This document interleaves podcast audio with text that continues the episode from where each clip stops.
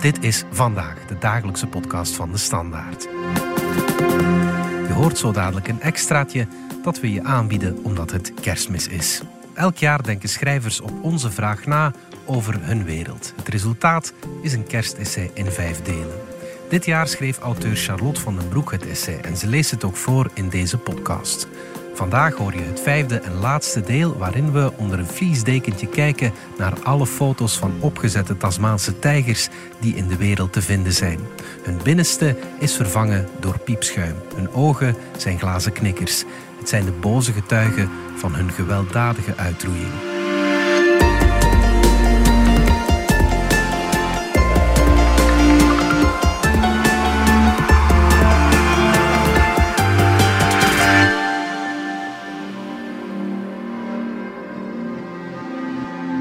Ergens in het lichaam, onzichtbaar op een echo of een scan, bevindt zich het verhalenstelsel.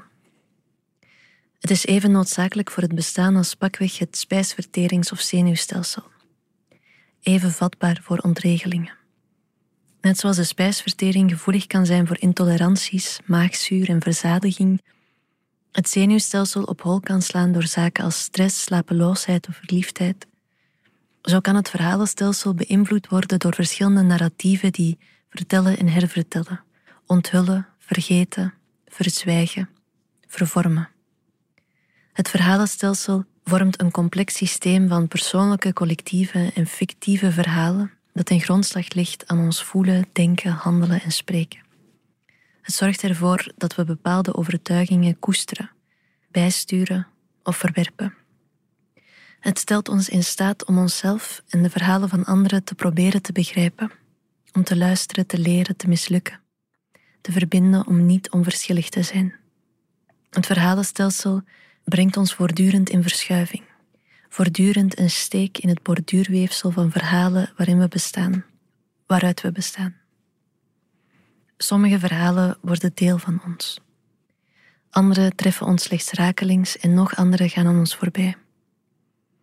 Op basis van de verhalen die zich in het stelsel nestelen, vertellen we onszelf een verhaal over onszelf, dat streeft naar eigenheid en samenhorigheid, naar een vorm van continuïteit, naar een goede afloop. Wanneer bepaalde donkere verhalen zich verankeren in het lichaam, misschien zelfs al voor we geboren worden, overgeërfd uit de verhalenstelsels van ouders en grootouders, dan kunnen deze verhalen ons een verkeerd verhaal voorhouden. Een verhaal zonder handelingsvermogen of wendingen. Een noodlottig verhaal. Het vergt veel moed en hard werk om tegenover een dergelijk verhaal andere mogelijke verhalen te plaatsen. Soms lukt dat om allerlei uiteenlopende redenen niet en vervangen we moeilijke verhalen door verhalen die comfortabel aanvoelen. Of we laten de moeilijke verhalen onverteld. Goed wetende dat het onvertelde evenzeer deel uitmaakt van het verhalenstelsel maar dan als een teerplek, als kwaadaardige cellen, als ziekmaker. Enkele weken na mijn bezoek aan het Natuurhistorisch Museum kom ik per toeval Morton Elport, de man die Tasmaanse tijgers aan het museum in Brussel schonk, opnieuw tegen. In een recent gepubliceerde studie schijnt Jack Ashby, onderzoeker aan het Cambridge University Museum of Zoology, een heel ander licht over de gulle weldoener. Uit uitgebreid bronnen- en brievenonderzoek blijkt dat Morton Elport in ruil voor het leveren van huiden en botten wel degelijk een wederdienst vroeg, zij het in de vorm van wetenschappelijke lofbetuigingen en lidmaatschappen. In een brief van 1 oktober 1872 schrijft hij aan de toenmalige curator reptielen van het Natuurhistorische Museum in Brussel het volgende. Ik zal met plezier lid worden van de entomologische, malacologische, koninklijke botanische en koninklijk Linneaanse verenigingen op de voorwaarden die in uw brief worden genoemd. Ik zou graag van dit voorrecht gebruik maken en het bedrag meteen overmaken, terwijl ik van tijd tot tijd specimens blijf opsturen die ik kan verzamelen. Zulke quid pro quo beloningen, zoals Elport het zelf noemde, lijken misschien op het eerste gezicht onschuldig. Maar via associatie met gerespecteerde genootschappen, universiteiten en musea in Europa weet hij op deze manier een invloedrijk netwerk op te bouwen. Elport's relatiegeschenken bestonden uit allerlei Australische zoogdieren, insecten, planten en vissen, maar zijn trofeestuk was de zeldzame Tasmaanse tijger, die hij verkreeg via een netwerk van country friends. Naamloze boeren, jagers en tussenpersonen die de dieren voor hem stroopten. Als een soort malafide koloniale makelaar verschaft Elport onder andere specimens aan het British Museum in de Natuurhistorische Musea van Brussel en Parijs. Het Universiteitsmuseum van Cambridge kreeg van Elport maar liefst twaalf specimens van Tasmaanse tijgers cadeau, waaronder vijf ongelooide, steenharde huiden die nooit tentoongesteld werden. Gruwelijkerwijze, zo brengt Ashby aan het licht, verstuurde Elport op dezelfde manier ook de lichamelijke resten van First Nations people. Elport verzond in totaal vijf menselijke skeletten naar Europa en klopte zichzelf daarbij op de borst als de meest productieve handelaar in lichamelijke overblijfselen uit Lutruwita, Tasmanië. Waar Elport het verzamelen van natuurhistorische specimens uitbesteedde aan zijn country friends, stond hij er bij het opgraven van menselijke resten op om persoonlijk aanwezig te zijn. In sommige gevallen ging het om de lichamen van Palawa die hij ontmoet had. Hij zette het feit dat hij hen gekend had zonder verpinken in als authenticiteitsbewijs. De meeste van de menselijke resten die Elport ontvreemde, zijn ondertussen gerepatrieerd of werden tijdens de oorlog vernietigd. Maar een van de skeletten bevindt zich vandaag nog in België, in het departement archeologie van het Museum voor Natuurwetenschappen. Het lopende onderzoeksproject HOME streeft naar een open beleid rond de repatriëring van menselijke resten in Belgische collecties naar de landen van oorsprong. Voor de menselijke resten uit Tasmanië is er voorlopig een aanbeveling aan de overheid geformuleerd om zich open te stellen om deze resten terug te geven. De figuur van Morton Elport verpersoonlijkt op huiveringwekkende wijze hoe koloniaal geweld tegen mensen, ecologie en cultuur verstrengeld zitten in natuurhistorische collecties. Het verhaal achter zijn vergiftigde geschenken maakt het onverdraaglijk dat zijn portret pontificaal in het museum hangt. Achter het merendeel van de specimens in natuurhistorische collecties moeten gelijkaardige verhalen schuilen. De opgezette dieren, in hun gefixeerde staat, in een volmaakte stilstand gedwongen, zijn een vorm van machtsvertoon een uiting van een verwrongen verlangen om leven toe te eigenen, te beheersen en te conserveren.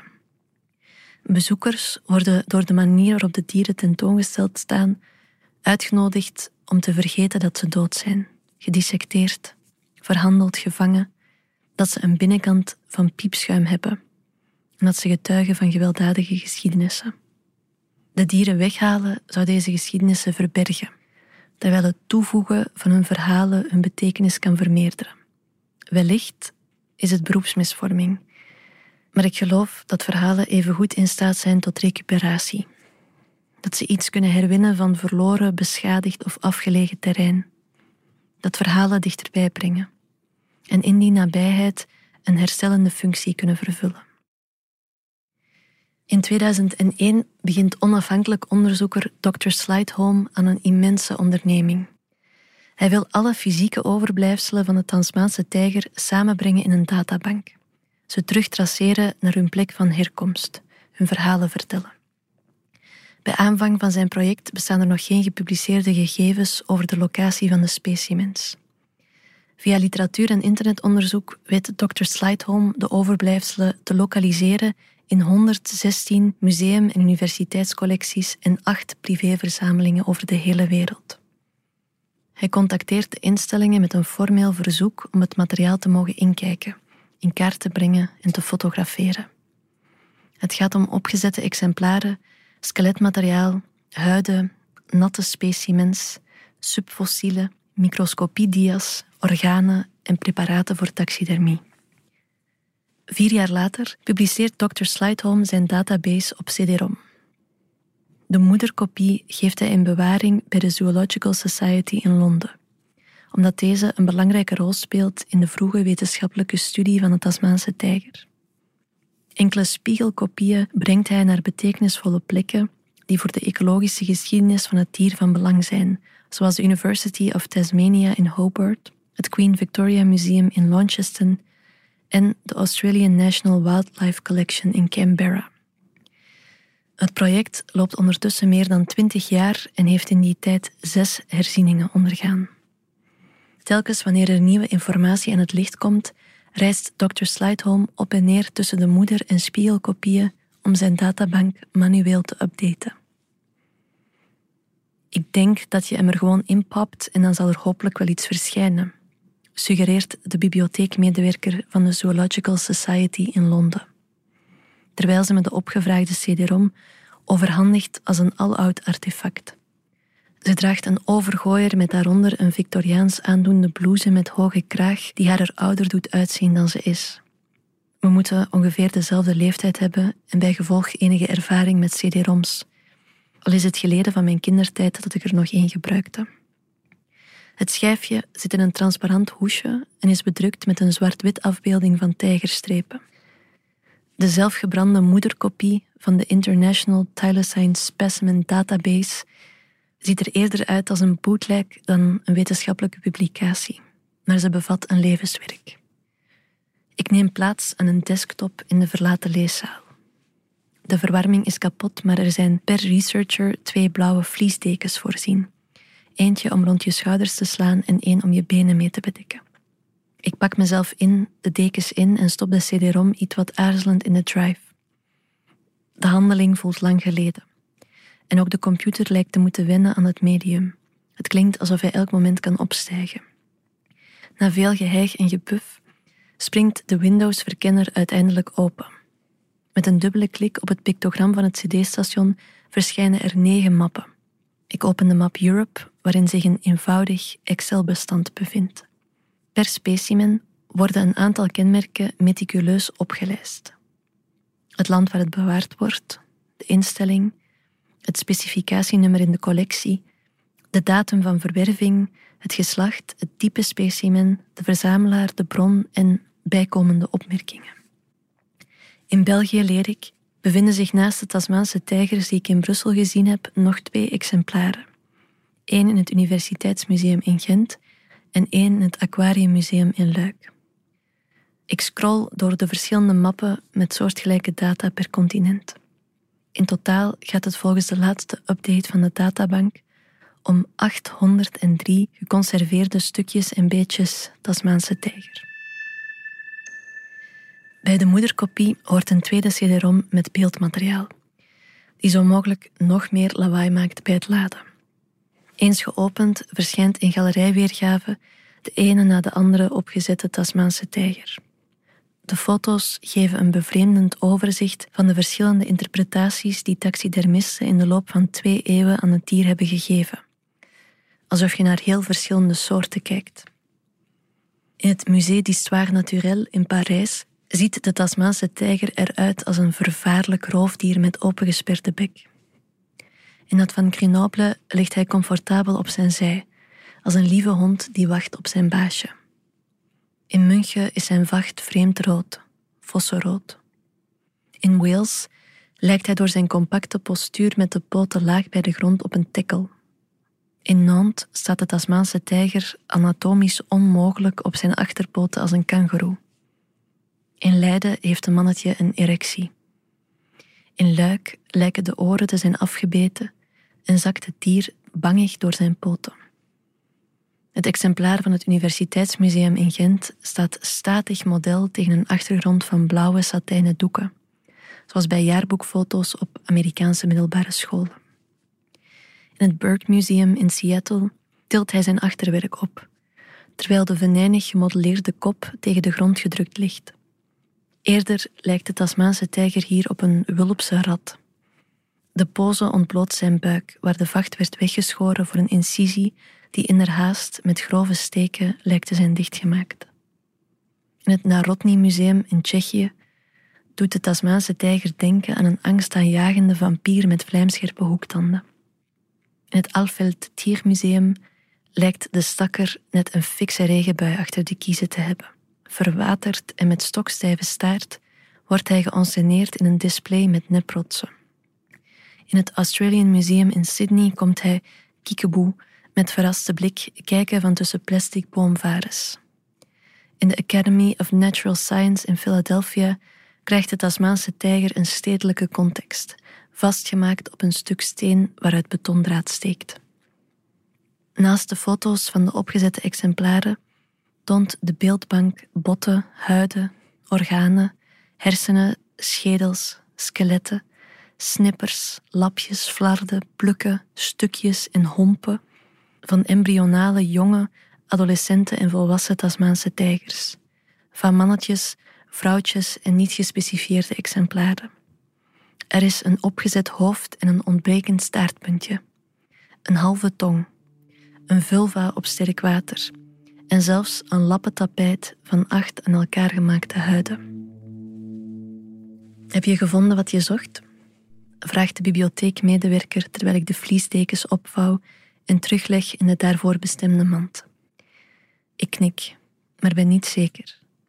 Na het bekijken van de foto's lukt het me niet meer om de Tasmaanse tijger terug aan elkaar te denken, ontleed binnenstebuiten gekeerd, tot onherkenbare fragmenten versneden. Mooi zo, zegt de bibliotheekmedewerker. Ik heb trouwens nog iets voor je uitgeprint. Ze schuift haar stoel naar achteren, loopt naar een ladekast in een uithoek van de leeszaal en komt terug met een papier. Dit is van het Joseph Wolf schilderij, legt ze glunderend uit. Het is een heel beroemde afbeelding in onze collectie. Ik dacht dat je het misschien leuk zou vinden om mee naar huis te nemen. Ik krijg een streperig afgedrukt schilderij van twee Tasmaanse tijgers. De cartridges leken bij het printen aan het einde van hun inkt.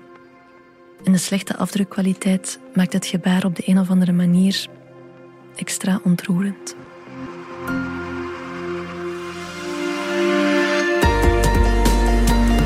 Dit was het vijfde deel van het kerstessay van Charlotte van den Broek. In onze app of op je favoriete podcastplatform vind je ook de essays die Michael van Peel, Tineke Beekman en Damiaan de Nis afgelopen jaren al voor ons schreven en inlazen.